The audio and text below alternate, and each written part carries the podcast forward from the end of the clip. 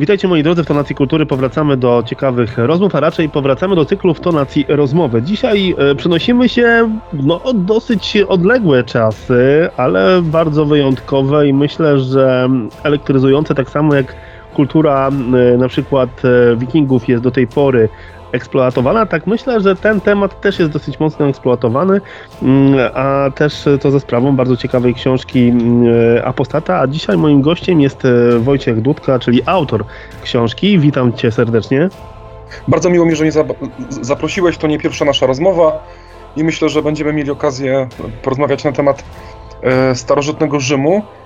Znaczy ja wiem, czy ten Rzym jest tak bardzo mocno eksploatowany. Chyba te czasy Cezara, E, ten słynny serial Rzym, HBO i choćby mm, e, cykle powieści, które się pojawiają, które co róż e, piszą albo o Pompejach, albo o Augustie, albo o Wespazjanie, albo o Neronie. I ciągle ten pierwszy wiek jest takim wzorcowym wiekiem, który uchodzi wśród opinii ludzi za to, że Rzym tak zawsze wyglądał. Tymczasem tak właśnie nie wyglądał, no bo jeżeli państwo to zmieniając się zaniknie, upadnie pod koniec wieku V, no to siłą rzeczy, że Rzym 400 lat później wygląda zupełnie inaczej niż ten z pierwszego wieku, także e, zupełnie inaczej wygląda. No ja napisałem teraz dwie ostatnimi czasy książki, e, Apokryf i właśnie Apostata, będą też inne powieści z Rzymu i potem mam nadzieję z Bizancjum. No i będę chciał pokazać jakby całą jak, zakres tej kultury, takich głównych problemów poprzez fascynujące postacie historyczne. Będą takie bardzo dynamiczne powieści, pełne władzy, oczywiście e, krwi, e, szaleństw e, religijnych i walki nieustannej o władzę.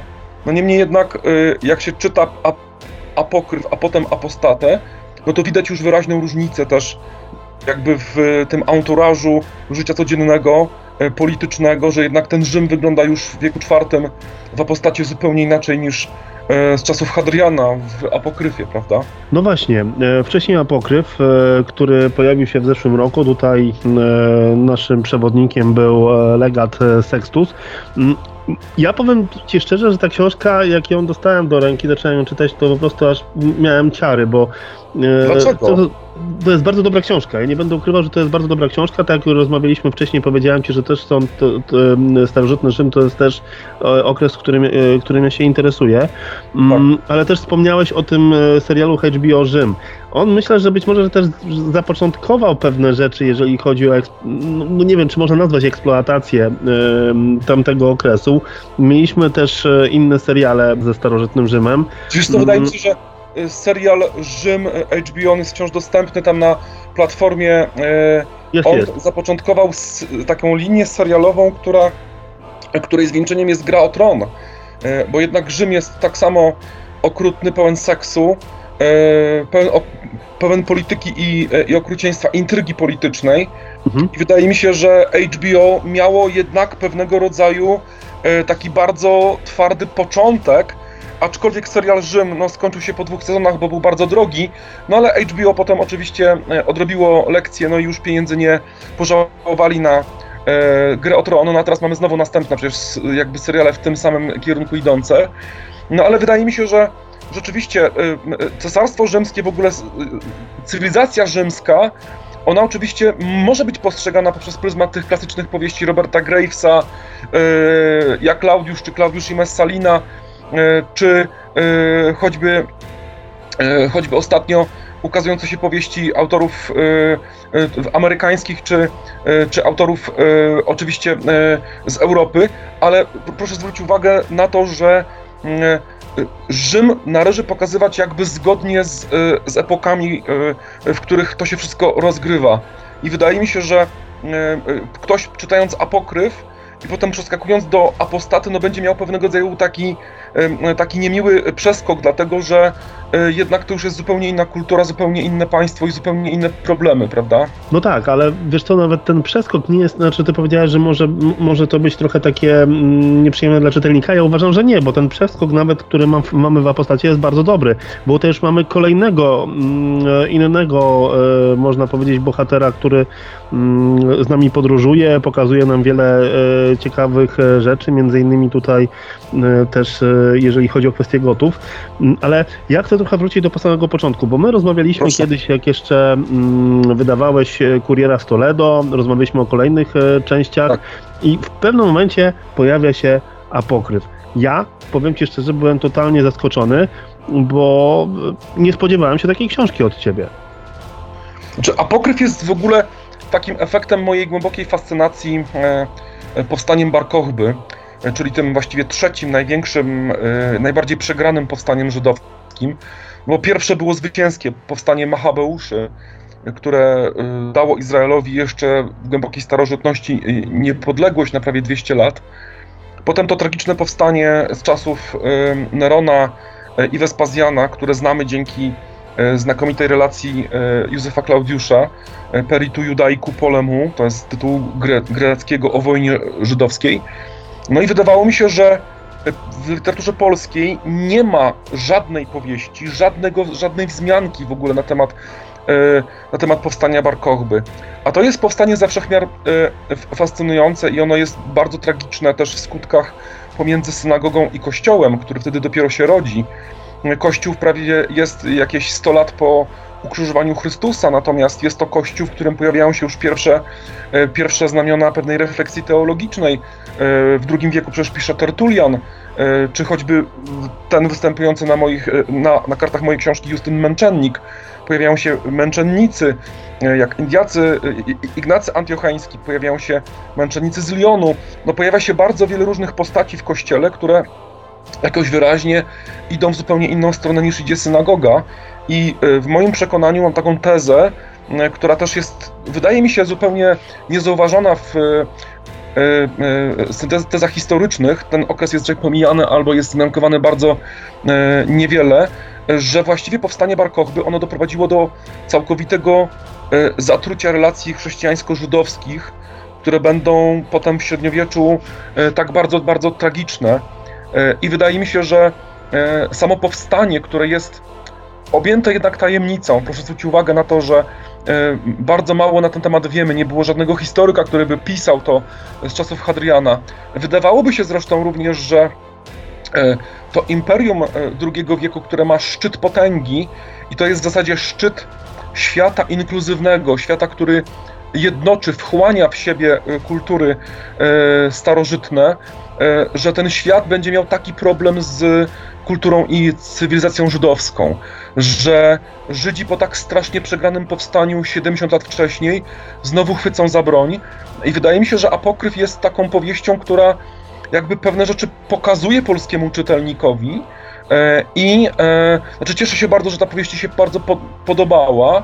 Bardzo mnie to cieszy, e, dlatego że no, wydaje mi się, że też pojawiły się różne takie głosy, czy recenzyjne, czy jakieś głosy opinii, które chyba nie do końca tę książkę rozumieją, dlatego że ona jest złożona z takich właściwie trzech warstw.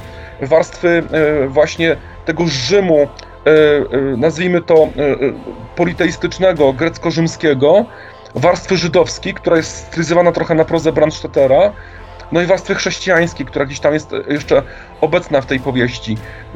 I Apokryf rzeczywiście jest taką epicką powieścią o przegranym powstaniu i chciałem pokazać to powstanie też z dwóch perspektyw, i rzymskiej, i, i, pow, i żydowskiej. Mhm. Stąd te właściwie zderzenie dwóch tych postaw, prawda? E, Juliusza Sextusa Severa, który jest autentycznym dowódcą wojskowym, e, dowódcą w Brytanii, gdzie był namiestnikiem jednej z prowincji i potem odwołany przez Hadriana miał się zająć tłumieniem powstania Żydów e, w Judei. No i to oczywiście jest postać historyczna, tak jak Szymon Bar Kochba, tak jak wszystkie te, w większości inne postacie, które się tam przewijają. No i wydaje mi się, że czy tą powieścią chciałem pokazać taki świat nieodkryty, świat, który jest gdzieś e, w polskiej powieści e, pop zupełnie zapomniany. E, no bo oczywiście powieść historyczna ma w naszym kraju pewne nowe otwarcie, choćby dzięki książkom choćby Herezińskiej o historii Polski, czy, czy, czy powieściom Jacka Komudy w wojennym, to jednak ja interesuję się trochę innymi epokami i chciałem przybliżyć tej powieści popularnej czasy starożytne, które są tego warte. E, wydaje mi się, że żyjemy w epoce, w której e, w ogóle antyki, znajomość antyku jest luksusem. Ja chodziłem jeszcze do, do liceum, gdzie, e, gdzie była łacina przez 4 lata, dzisiaj są tylko szczątkowe zajęcia z tego przedmiotu i tak naprawdę zmieniając epokę jakby zrywamy pewien kod kulturowy w rozumieniu antyku. Dlatego no, dziękuję Ci, że, że tak odnosisz się tutaj do, do tej powieści, że ona Cię zainteresowała, bo z pewnością, z pewnością jakby pisanie tej powieści było dla mnie też pewnym odkryciem, ono było zaskakujące, ale napisałem ją z wielką pasją i wielką namiętnością. Ale wiesz co, to jest e, czuć e, w książce, w ogóle, mm, wiesz, wykreowanie takiego świata, wiesz, mm, i też postaci historycznych. E, ja chciałbym też się dowiedzieć, jak ty się w ogóle przygotowałeś do tej książki, bo to nie jest łatwe zadanie. Powiedziałeś, że interesujesz się też tamtym okresem. Fajnie, bo to też widać i czuć w książce, czy to apokryf, czy apostata. Takich książek jest bardzo mało na polskim rynku, też się zgodzę, mm, jeżeli chodzi o opowieść historyczną i fajnie, że też taka książka powstała, znaczy książki już teraz, można powiedzieć, mm, ale powiedz mi, jak ty się przygotowywałeś, bo, bo ty musiałeś się, wydaje mi się, dogrzebać do naprawdę wyjątkowych e, informacji, żeby je zawrzeć właśnie w książkach. Czy, tak, znaczy pomysł na apokryf narodził się e, w zasadzie w czasie mojej podróży do Stanów Zjednoczonych. Ona tam jest opisana w wstępie do tej, e, do tej książki. Mm, I tam rzeczywiście po raz pierwszy pomyślałem sobie, że warto by napisać o tym, o tym książkę, powieść. Nawet powstało kilka rozdziałów. Yy, tego Apokryf powstawał, to jest jedyna moja książka, która powstawała achronologicznie. Znaczy, najpierw napisałem e, taki rozdział, w którym e, e, Rzymianie mordują narzeczoną Szymona Barkochby. Najpierw miała się od tego zaczynać książka. Dopiero potem jakby zdałem sobie sprawę z tego, że warto obudować większość tego świata, żeby tworzyć jednak pewne wielkie uniwersum, w którym mógłbym pokazać historię starożytną. I rzeczywiście no, trwało to ładnych parę lat. Ja w międzyczasie pisałem też inne rzeczy, właśnie kuriery.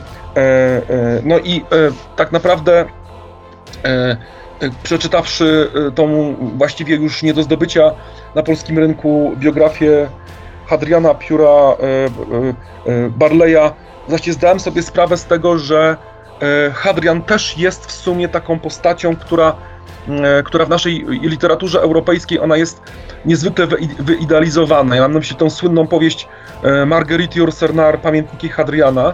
Czy sama powieść jest genialna, ona oczywiście jest stylizowana na taki pamiętnik antyczny, ona jest stylizowana w sensie jakby języka na, e, na dzieło Marka Aureliusza do siebie samego, zwane błędnie rozmyślaniami. Natomiast, natomiast ta powieść pokazuje Hadriana jako tako, takiego wyidealizowanego cesarza. E, mhm. Główną relacją, główną osią tej książki jest jego e, związek z Antinousem. E, natomiast mnie interesowało coś innego, czy mnie interesowało to, e, e, jak to się stało, że cesarz, który całe swoje panowanie spędził e, w podróżowaniu po imperium, no bo on odbył takie trzy wielkie podróże, ogromne, tuż po wyborze, czyli jakby tuż po śmierci Trajana, gdzie dość łatwo przekazano mu władzę. On był adoptowanym synem Trajana, zresztą pochodzili z tego samego miasta, mianowicie z dzisiejszej Sewilli e, na południu Hiszpanii. No więc e, znali się dobrze i jakby byli krajanami. E, no i Hadrian rozpoczynał, rozpoczął podróże które pokazują jakby niesamowitą energię tego człowieka, jakąś zupełnie niesamowitą osobowość, no bo proszę sobie zwrócić uwagę, że w tamtym czasie, kiedy podróż z jednego krańca imperium do drugiego trwała, e, nie wiem, no dwa lata najmniej, no to on po prostu przemierzył całe imperium trzy razy i był we wszystkich prowincjach. Czy nie było krainy, której on nie odwiedził w czasie swojego panowania, co czyni go w ogóle cesarzem absolutnie wyjątkowym. No i zawdzięczamy mu mnóstwo dobrych rzeczy, no bo jeżeli dzisiaj ludzie idą do, do Rzymu i zachwycają się oczywiście Rzymem, e, Rzymem z czasów odrodzenia i Rzymem barokowym, który dzisiaj przecież stoi e, i go widzimy, no to jeżeli ktoś idzie pod e, Panteon, czyli Kościół Wszystkich Świętych, ja to szanuję bardzo, ale dla mnie to miejsce jest już na zawsze świątynią wszystkich bogów i wszyscy myślą, że Panteon, tak jak dzisiaj stoi, został wybudowany przez Marka Agryppę.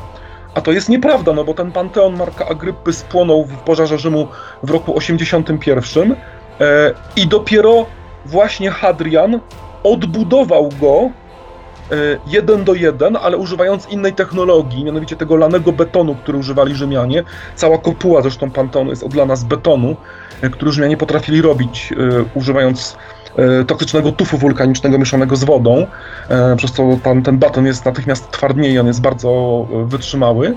Mhm. E, No i właśnie Hadrianowi zawdzięczamy nie tylko mur Hadriana, zawdzięczamy mu Panteon, zawdzięczamy mu mnóstwo zabytków starożytnych, pałac w Tivoli, to, że Hadrian ocalił, ocalił większość rzeźb antycznych, no bo na jego rozkaz skopiowano wszystkie rzeźby antyczne, które były w Imperium, stąd wszystkie te rzeźby jak Dyskobol, e, rzeźby na przykład e, Grupa La, Laocoona, e, czy e, e, rzeźby przedstawiające e, kurosy, postacie bogów, szczególnie Apollina, czy jego siostry Artemidy, no to wszystko zawdzięczamy Hadrianowi, no bo te kopie dotrwały do naszych czasów, częściowo są uszkodzone, no ale dotrwały, więc jakby zawdzięczamy mnóstwo. No i, no i ten Hadrian jest takim, taką postacią bardzo idealistyczną, a tymczasem on po prostu doprowadził do wymordowania całego narodu. Jest takie zdanie u Cassiusza Dio, który był Grekiem, ale też senatorem rzymskim, już zupełnie jakby pokazując, że Grecy stali się Rzymianami w III wieku. Właściwie bycie Rzymianinem i bycie Grekiem to było jednoznaczne. Mówimy o cesarstwie grecko-rzymskim, nie o cesarstwie rzymskim, tylko właśnie grecko-rzymskim. E, Cassius Dio pisze e, swoją historię Rzymu, też po grecku. E, To jest też wydane, bo to dzieło przetrwało do naszych czasów. I tam jest takie zdanie właśnie, że e, dość lakoniczne, że z rządów Hadriana wybuchło powstanie Bar Kochby, fałszywego Mesjasza żydowskiego i że Hadrian zabił 600 tysięcy Żydów w Palestynie, tak? No samo zdanie jest przerażające, no proszę sobie wyobrazić, że tak kulturalny człowiek morduje 600 tysięcy ludzi, czyli nie, nie sam, jego, jego legiony to zro, zrobiły. No i zacząłem ten temat badać bardzo głęboko, czytać mnóstwo rzeczy, które zostały wydane i, i po niemiecku, i po angielsku. E, nieocenione są oczywiście zbiory online różnych bibliotek, stron internetowych izraelskich. Zresztą dla Izraela to ma ogromne znaczenie, no bo za Szymona Bar Kochby rzeczywiście mamy do czynienia z tym momentem, w którym Żydzi wybijają się na niepodległość, e, zaczynają po prostu bić własną monetę, przebijając monety rzymskie. No a bicie własnej monety jest czymże innym niż okazanie suwerenności. No i ten Izrael z czasów Bar Kochby, on, jest, on ma tytuł Nazi, czyli tytuł księcia, pomazańca Bożego, a więc jest traktowany przez Sanhedryn żydowski jako Mesjasz. No i to jest pewne fascynujące zdarzenie, że Żydzi mają tego Mesjasza, który jest Mesjaszem właśnie zgodnym z ich wyobrażeniami o tym, kim Mesjasz ma być, bo przypomnę tutaj e, i Tobie, i e, naszym słuchaczom, że e, Mesjasz w tej literaturze żydowskiej, rabinicznej ma być tym, kto wyzwoli w sposób widoczny Izraela z niewoli ziemskiej. I właśnie to czyni Bar Kochba, no bo on rzeczywiście w tej pierwszej fazie powstania wyzwala Izraela. Jak się wydaje, Żydzi pokonali Legion X, Fratenzis oraz Legion XXII Dejoteriana, który przybył z Egiptu. E, Nie wiemy w jakich okolicznościach, ale, ale wiemy, że zostały te legiony odepchnięte od Izraela. No i właściwie na trzy lata Izrael się wyzwol, wyzwolił, prawda?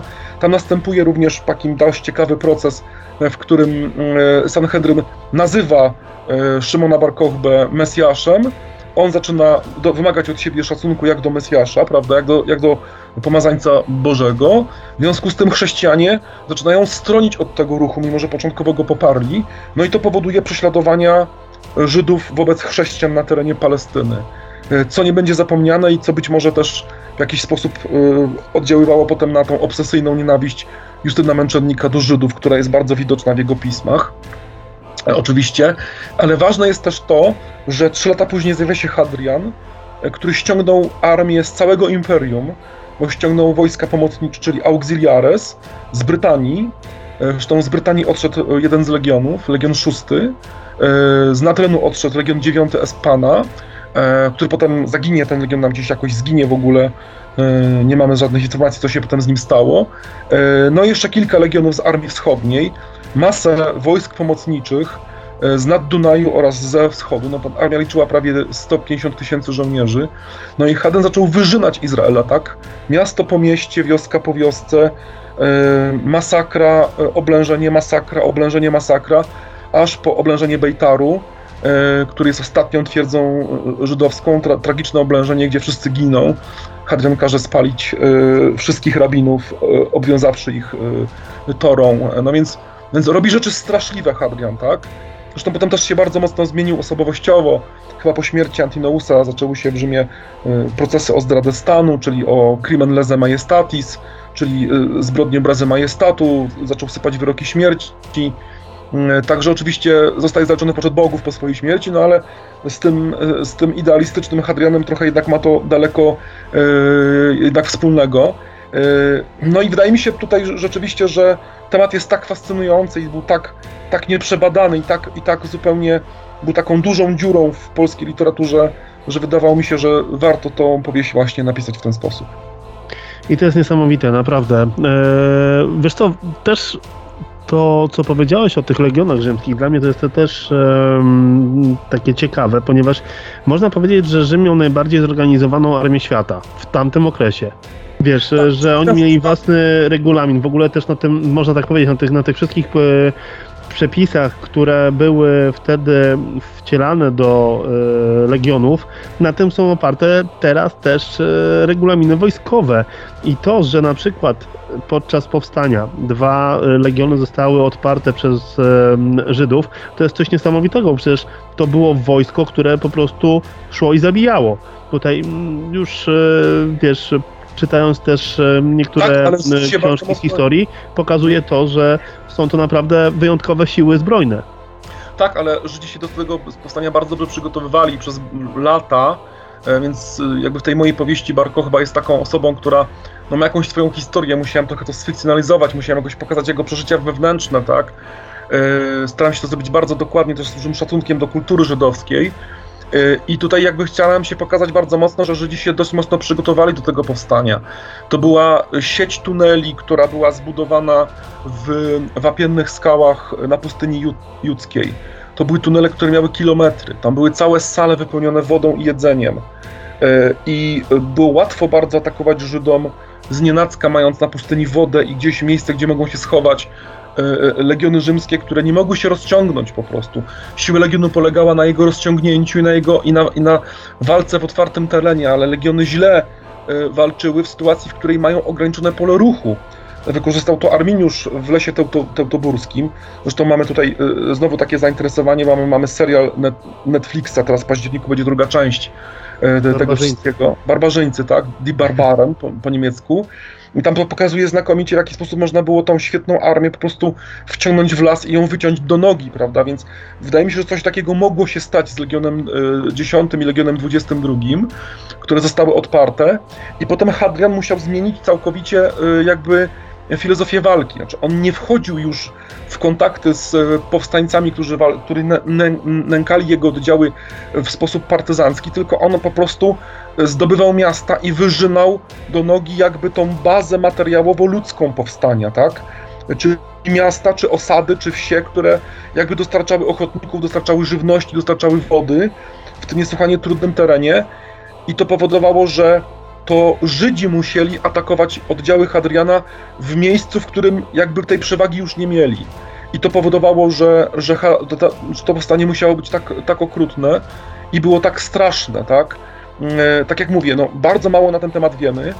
E, mamy tylko śladowe właściwie źródła e, archeologiczne, mamy trochę monet z tamtego czasu, które są, zostały przebite, bardzo cennych znalezisk, oczywiście numizmatycznych, ale wydaje mi się, że jakby taka cała wyobrażeniowość tego świata starożytnego, który ja sobie tak właśnie wyobrażam, ona jednak jest wyczuwalna w tej powieści. Chciałem właśnie zaprezentować jakby trochę takie inne spojrzenie na Rzym, niż tylko przez uczty, rozkosze, e, przez, e, przez pijaków, czy przez takie bardzo e, stereotypowe myślenie o złych Rzymianach i o dobrych chrześcijanach, e, które ukruntowała po, po, powieść Henryka Sienkiewicza Quo Vadis, e, którą gdzieś tam Polacy mają ciągle z tyłu głowy, myśląc o starożytności.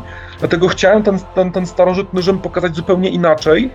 E, No i zobaczymy, co będzie dalej, bo e, e, w tym roku jest Apostata, taka moja no, nowo ogromna powieść IV wieku. No i teraz przymierzam się jeszcze do jednej powieści o Rzymie, a potem, potem zobaczymy, jak zareaguje rynek, ale bardzo chciałbym napisać nową trylogię bizantyjską, nową. I teraz ta trzecia osłona z Rzymu to będzie, zdecydowałem się jednak na, na historię Konstantyna Wielkiego, czy jakby trochę wcześniejszy okres niż, Mhm. y, niż Apostata, bo chciałem właśnie pokazać tego człowieka z perspektywy tej ogromnej zmiany, która się dokonuje za jego życia. Mm, No i pokazać tą potem straszną historię e, związaną ze śmiercią Kryspusa, jego pierwszego syna i potem zamordowaniem przez niego żony i syna, e, prawda, która potem go w jakiś, sposób skłoni do tego, żeby, prawda, znaleźć w wierze chrześcijańskiej jakąś, jakąś, jakąś pe- perspektywę wybaczenia samemu sobie za swoje zbrodnie, które, których najwyraźniej miał świadomość. E, Także e, wydaje mi się, że to będzie też ciekawe dla polskiego czytelnika, e, bo zamierzam zrobić to z pewną ogromną werwą i wielką, epicką, taką, e, takim wielkim epickim rozmachem. Staram się zawsze nadać tej powieści ten epicki rozmach, który jest wyczuwalny na kartach książki. E, Wojciech, ja ci powiem jedną rzecz, że po przeczytaniu Apostaty i Apokraf, e, Apokryfu, mm, ja uważam, że to są idealne książki, żeby zrobić z tego serial audio. To jest tak fajnie poprowadzona w ogóle historia, z tego można zrobić coś naprawdę wielkiego. Nie myślałeś o tym, żeby na przykład powstał, bo wydaje mi się, że jest to odpowiedni budulec do tego, żeby powstał właśnie taki historyczny serial audio. Znaczy jak najbardziej, y, bardzo chciałem, żeby moje książki były czytane. Myślę, że każdy pisarz jakby y, tego, tego pożąda, ale tak jak Ale mówię, wiesz, ja bardziej myślałem o takim, wiesz, superprodukcji, jak na przykład e, trylogia Hucycka Sapkowskiego. Ja rozumiem tylko, że jakby to nie zależy ode mnie, no bo jakby tu ja, ja nie jestem de decydentem, to musi być Mhm. firma, która, firma audio, która robi tego typu słuchowiska, e, czy Audioteka, czy Storybox, e, czy jakieś inne, e, czy Polskie Radio, e, które tego typu audycje robią, takie seriale książkowe. Na pewno jest to wspaniała perspektywa, bardzo chciałem, żeby tak się stało, no ale jak mówię, no 10 lat temu nie przypuszczałem, że zacznę wydawać powieści moje w Czechach i na Słowacji, co się stało w tym w roku i zeszłym, no to może jak parę lat następnych poczekam, a ja jestem cierpliwym człowiekiem, to być może się okaże, że będzie serial audio albo jeszcze coś innego. E, Ja jeszcze na chwilkę powrócę do Apostaty, bo tutaj mamy nowego e, bohatera, którym jest Amian Marcelinus. E, Powiem ci, że to taki dosyć wyjątkowy bohater, bo oprócz tego, że jest to osoba, która jest wykształcona, to mm, też e, jest takim trochę badaczem, mam wrażenie. To tak, znaczy bardzo mało o nim w ogóle wiemy. Jego dzieło y, po łacinie zachowało się tylko 13 ksiąg y, tych późnych, właściwie od, od Konstantyna Wielkiego po bitwę pod Adrianopolem. Wcześniejsze księgi się nie zachowały. Wiemy, że napisał całą historię Rzymu od Augusta po, do bitwy pod Adrianopolem, y, no ale te wcześniejsze księgi się nie zachowały. To jest proza mistrzowska, to jest proza tak trudna w tłumaczeniu łacińskim. Proszę mi wierzyć, naprawdę to jest tak trudne, kontaktowałem się z osobą, która, zresztą moją byłą wspaniałą nauczycielką, Alicją Wojtas, łaciny, która to tłumaczy y, sama dla siebie, y, więc ona tłumaczy to bardzo wolno, tłumaczy to y, jedno, dwa zdania dziennie, czy na, czy na parę dni, bo to jest tak trudna proza, to jest tak, to jest tak trudna łacińska fraza, która przerasta w trudności Cycerona samego, który jest przecież niedoścignionym mistrzem piśmiennictwa łacińskiego, E, choć niektóre fragmenty Cezara, e, komentarii de Bello Gallico czy komentarii de Bello Civilis też są w sumie dość, dość trudne, ale też niektóre są łatwe, stąd jakby na tych książkach uczono się po prostu łaciny w późniejszych epokach w średniowieczu i w czasach no, nowożytnych, to jednak Amian Marcellinus jest, jest niebywale trudną prozą i sam człowiek jest zupełnie nieznany, dlatego że on, e, była jego decyzja, żeby skryć się w cieniu swojej książki, znaczy nic o nim nie wiemy. Wiemy, że pochodził z Antiochii, Wiemy, że był Grekiem i to jest niesamowite, bo to jest Grek, który pisze po łacinie. Zazwyczaj Rzymianie Dokładnie. pisali po grecku. Tak, Rzymianie pisali po grecku, tak? Jak Marek Aureliusz pisze swoje dzieło e, e, nazywane błędnie rozmyśleniami. To nie chodzi o żadne ro- rozmyślenia w tym dziele nie chodzi, bo to jest mistyczny tekst e, późnego stoicyzmu, który jest takim stoicyzmem mistycznym i tekst grecki, e, tytuł grecki ta eis hauton znaczy do siebie samego ten, przed, ten przed, przedrostek grecki tu jest ważny, ta eis, to jest, oznacza wejście w środek czegoś, czy być w środku czegoś. A hauton to jest ja sam, siebie samego, więc jakby to jest do siebie samego. To jest książka, która jest książką we, pokazującą wnętrze Rzymianina, jakby, który, ale proszę zwrócić uwagę, to jest mistrzowska proza grecka, bo on to pisze po grecku, tak? A tutaj Ammian, Marcellinus pisze po, po łacinie, więc to jest zupełnie rzecz nieprawdopodobna, która powinna nas głęboko zastanowić, dlaczego on pisze to po łacinie. Według mnie to jest, to jest manifestacja światopoglądu, to jest jakby manifestacja tego, że on jako Grek chce, żeby to imperium było jednością, a ono mu wyraźnie w jego życiu pęka na dwie części, tak? Które zaczynają się nie rozumieć, bo uczy się, ludzie się nie uczą języka, Rzymianie nie uczą się greckiego, a Grecy nie uczą się łaciny, więc się przestają ci ludzie rozumieć, e, mają zupełnie inne wyobrażenia, mają zupełnie inną religię, bo wschód grecki bardzo szybko w IV wieku staje się wschodem chrześcijańskim w dużej mierze. E, Zachód jest e, bardziej e, wciąż jeszcze przyzwyczajony do starej religii grecko-rzymskiej. W ogóle nie lubię bardzo słowa pogaństwo. Nie, nie wiem, czy ty, ty to lubisz, ale ja tego słowa bardzo nie lubię, bo to słowo po prostu zmniejsza jakby wrażliwość takiego czytelnika współczesnego na, na grecko-rzymską kulturę, a religia grecko-rzymska była starsza niż chrześcijaństwo. I do tego też trzeba mieć pewien szacunek, do tych ludzi, dlatego przecież to poganie zbudowali Imperium Rzymskie, a nie chrześcijanie, to jest ta różnica. Chrześcijanie z tego skorzystali w IV wieku.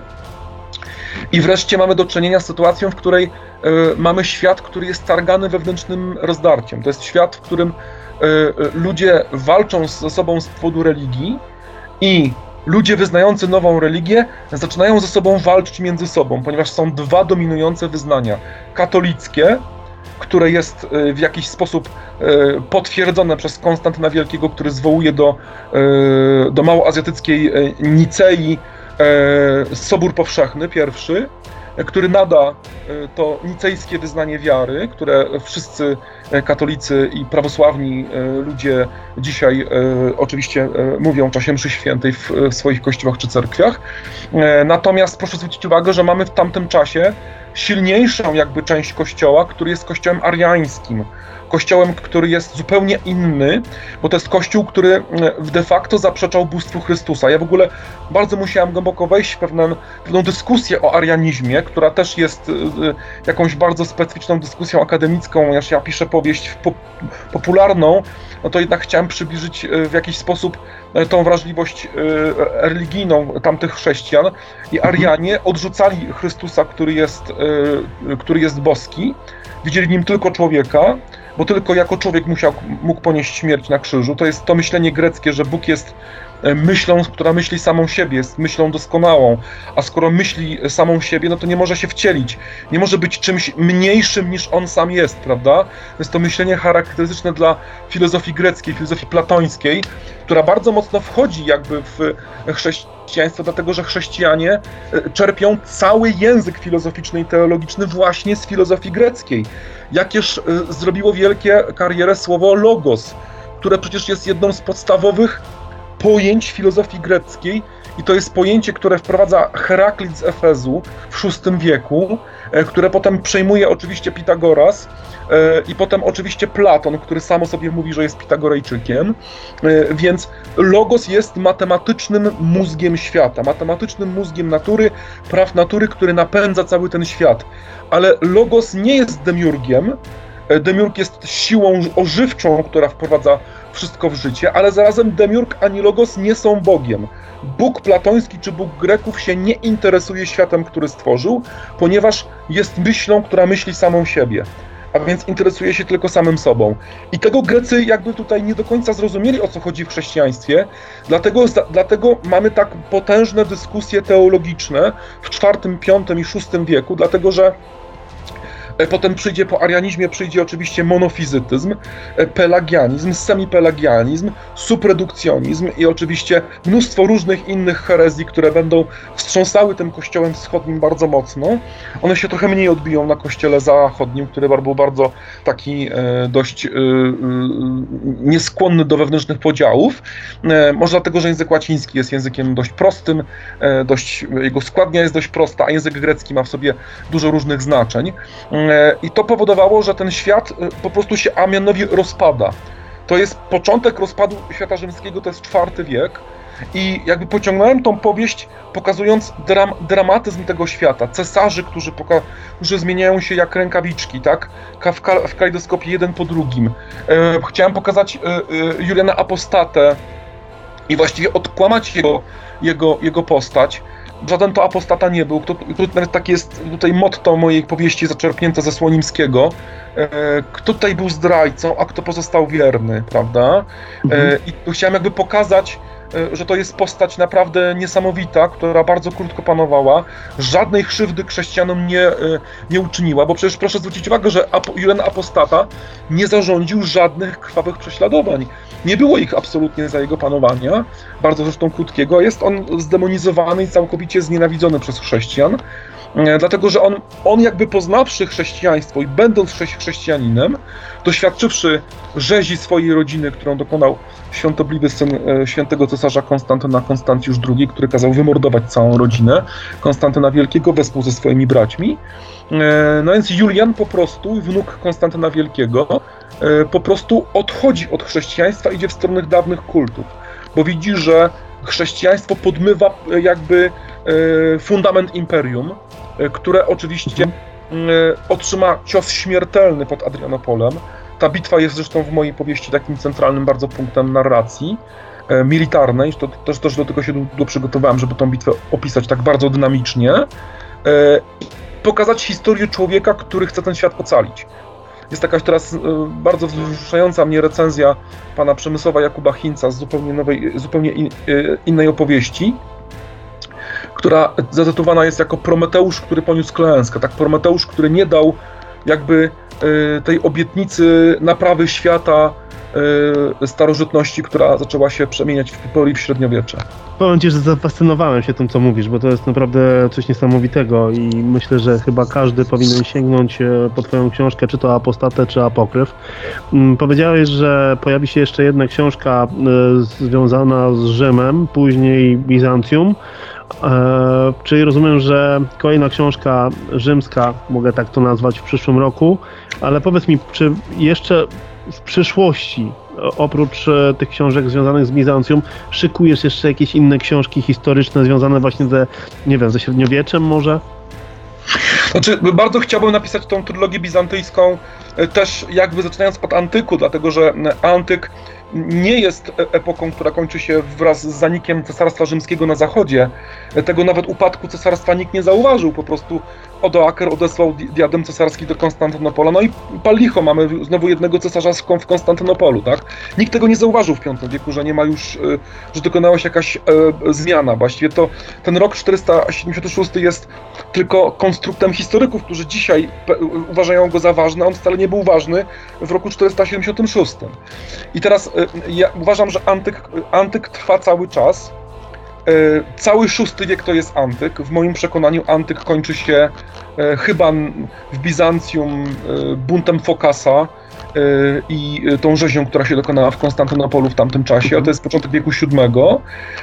I wydaje mi się, że ja, ja antyk traktuję jak do końca wieku VI. I pierwszą powieścią bizantyjską chciałem, żeby była powieść o Justynianie Wielkim, E, Prokopiuszu z Cezarei, kolejnym wielkim historyku i takiej postaci, która się tutaj mi właśnie wykluła jako taka postać, która będzie łączyła e, tą, tą fascynującą epokę. Chciałem pokazać właśnie Gotów, gotów, którzy czerpią z kultury rzymskiej, tak? Zresztą wspaniały król Teodoryk Wielki, o którym też się mało mówi, e, który właśnie jeszcze raz nadał Italii starożytnej tą blask świetności po upadku właśnie cesarstwa na, na, na zachodzie. Katastrofalną potem wojnę chciałem pokazać właśnie destruktywny wpływ Justyniana. E, druga powieść Bizancjum byłaby powieścią o oczywiście y, końcu dynastii y, heraklijskiej, e, o buncie Fokasa, potem o wielkiej wojnie Bizancjum z, y, z Persami i chciałem zakończyć właśnie tą drugą powieść właśnie na początkach islamu. I potem chciałbym w tej trzeciej powieści bizantyjskiej pokazać y, zdobycie Konstantynopola przez Turków w 1453, więc to będzie powieść średniowieczna zupełnie, w jakiś sposób kończąca ten, ten tryptyk y, rzymsko-bizantyjski. Y, no bardzo chciałbym napisać nową trylogię dotyczącą mok rodu Mokrzyckich, zresztą już, już umówiony z Wodemistym, że tak się stanie. To będzie prequel losów Antoniego Mokrzyckiego, ale jakby poprzez mhm. pokazanie historii jego rodziny, właściwie od jego pradziadka, czyli, czyli od XVIII wieku upadek Rzeczpospolitej, potem jego kolejnych przodków z powstania styczniowego i potem historię jego ojca i jego samego, kiedy on będzie młodym bardzo chłopcem przy okazji odzyskania przez naszą ojczyznę Polskę niepodległości wojny bolszewickiej. Więc jakby w tej trzeciej powieści z Mokrzyckich powróci Antoni Mokrzycki, ale jako nastolatek, jako dziecko, tak? E, no i potem właściwie też mam dużo różnych pomysłów e, dotyczących też historii Polski. Chciałem zrobić e, taką epicką powieść o, o wojnie domowej w Polsce, czyli o Rokoszu Lubomirskiego, który jest w moim przekonaniu niesłusznie znowu w podręcznikach historii traktowany jako epizod, a to jest w moim przekonaniu najważniejsze wydarzenie w historii Polski wieku XVII, bo ono przekreśla jakąkolwiek możliwość reformy tego kraju przekreśla skuteczną wizję naprawy państwa, którą Jan Kazimierz chciał wprowadzić po potopie i po, i, i po wygranej wojnie z Rosją w 1660 roku. E, I e, Rokosz Lubomirskiego pokazuje wszystkie najbardziej przerażające cechy Polaków, czyli, czyli to, że właściwie Polacy dołożyli się jak nikt inny do zniszczenia Rzeczpospolitej, bo mamy taką tendencję do idealizowania naszej historii. A ja właśnie chcę pokazać taką powieść naprawdę takiego antysienkiewicza, który pokaże wiek XVII z takiej perspektywy, który będzie po prostu Polaków bolał. Chcę, żeby ta powieść o wojnie domowej w Polsce po prostu czytelników w Polsce zabolała, bo to Polacy mordowali Polaków. Przecież pod Montwami na rozkaz Lubomirskiego konfederaci wymordowali 3000 królewskich żołnierzy, weteranów wojen szwedzkich, którzy za ojczyznę się bili przez wiele, wiele lat wcześniej. I to Polacy mordowali innych Polaków niech to będzie przestroga przed tym, co się dzieje przecież dzisiaj w naszym, naszym kraju, w naszej polityce. I chcę taką powieść napisać. Chciałbym napisać powieść e, również w ten sposób, e, właśnie o e, też żonie Jana Kazimierza, królowej Marii Ludwice Gonzadze, też postaci zapomnianej, wspaniałej, niesamowitej Francusce, która postanowiła bardzo wiele zmienić w Polsce, swojej nowej ojczyźnie i poniosła klęskę. Wraz z nią cała Polska, paradoksalnie. E, mam też pomysł na tym, żeby pokazać e, właśnie taki ciekawy freks historyczny z czasów e, też wojny 30-letniej, może potem jeszcze z wieku XVI, Także e, tematów mi nie zabraknie, myślę, że tych tematów jest dużo. E, przygotowuję się do tego bardzo starannie, dobierając sobie pewną perspektywę badawczą i moim celem jest po prostu stworzenie epickiej, wielkiej powieści historycznej, która jest powieścią współczesną, powieścią pop. Ja to ciągle podkreślam, że ja wyszedłem z powieści pop, tworzę powieść popularną, e, która jednak ma swoją głębię i wartość poznawczą i filozoficzno, oczywiście etyczną i będę chciał wpisać w tym celu, w tym, w tym jakby celu moje następne powieści. Przypomnę, że dzisiaj moim gościem e, był e, Wojciech Dudka, autor książek Apokryf i Apostata. Mm, Wojciech stworzył epickie dzieło, według mnie o ogromnej wartości historycznej. No i myślę, że jest to historia, która wciągnie Was od pierwszych e, stron. Czy to apostata, czy to apokryf. Wyjątkowa podróż do e, starożytnego Rzymu. Tego myślę, że mniej oczywistego, ale wciągającego e, od e, samego początku. Wojciech, ja Ci bardzo dziękuję za tą rozmowę. Mam nadzieję, że usłyszymy się przy mm, promocji i przede wszystkim przy premierze kolejnej książki związanej z Rzymem. No i życzę Tobie wszystkiego dobrego, no i żeby wszystkie te plany wydawnicze i te Twoje plany um, różnych ciekawych książek, które szykujesz, żeby wszystkie, żebyśmy je mogli wszyscy przeczytać. No bardzo dziękuję Ci za zaproszenie. Zawsze mi się z Tobą świetnie rozmawia. Życzę Ci również wszystkiego dobrego.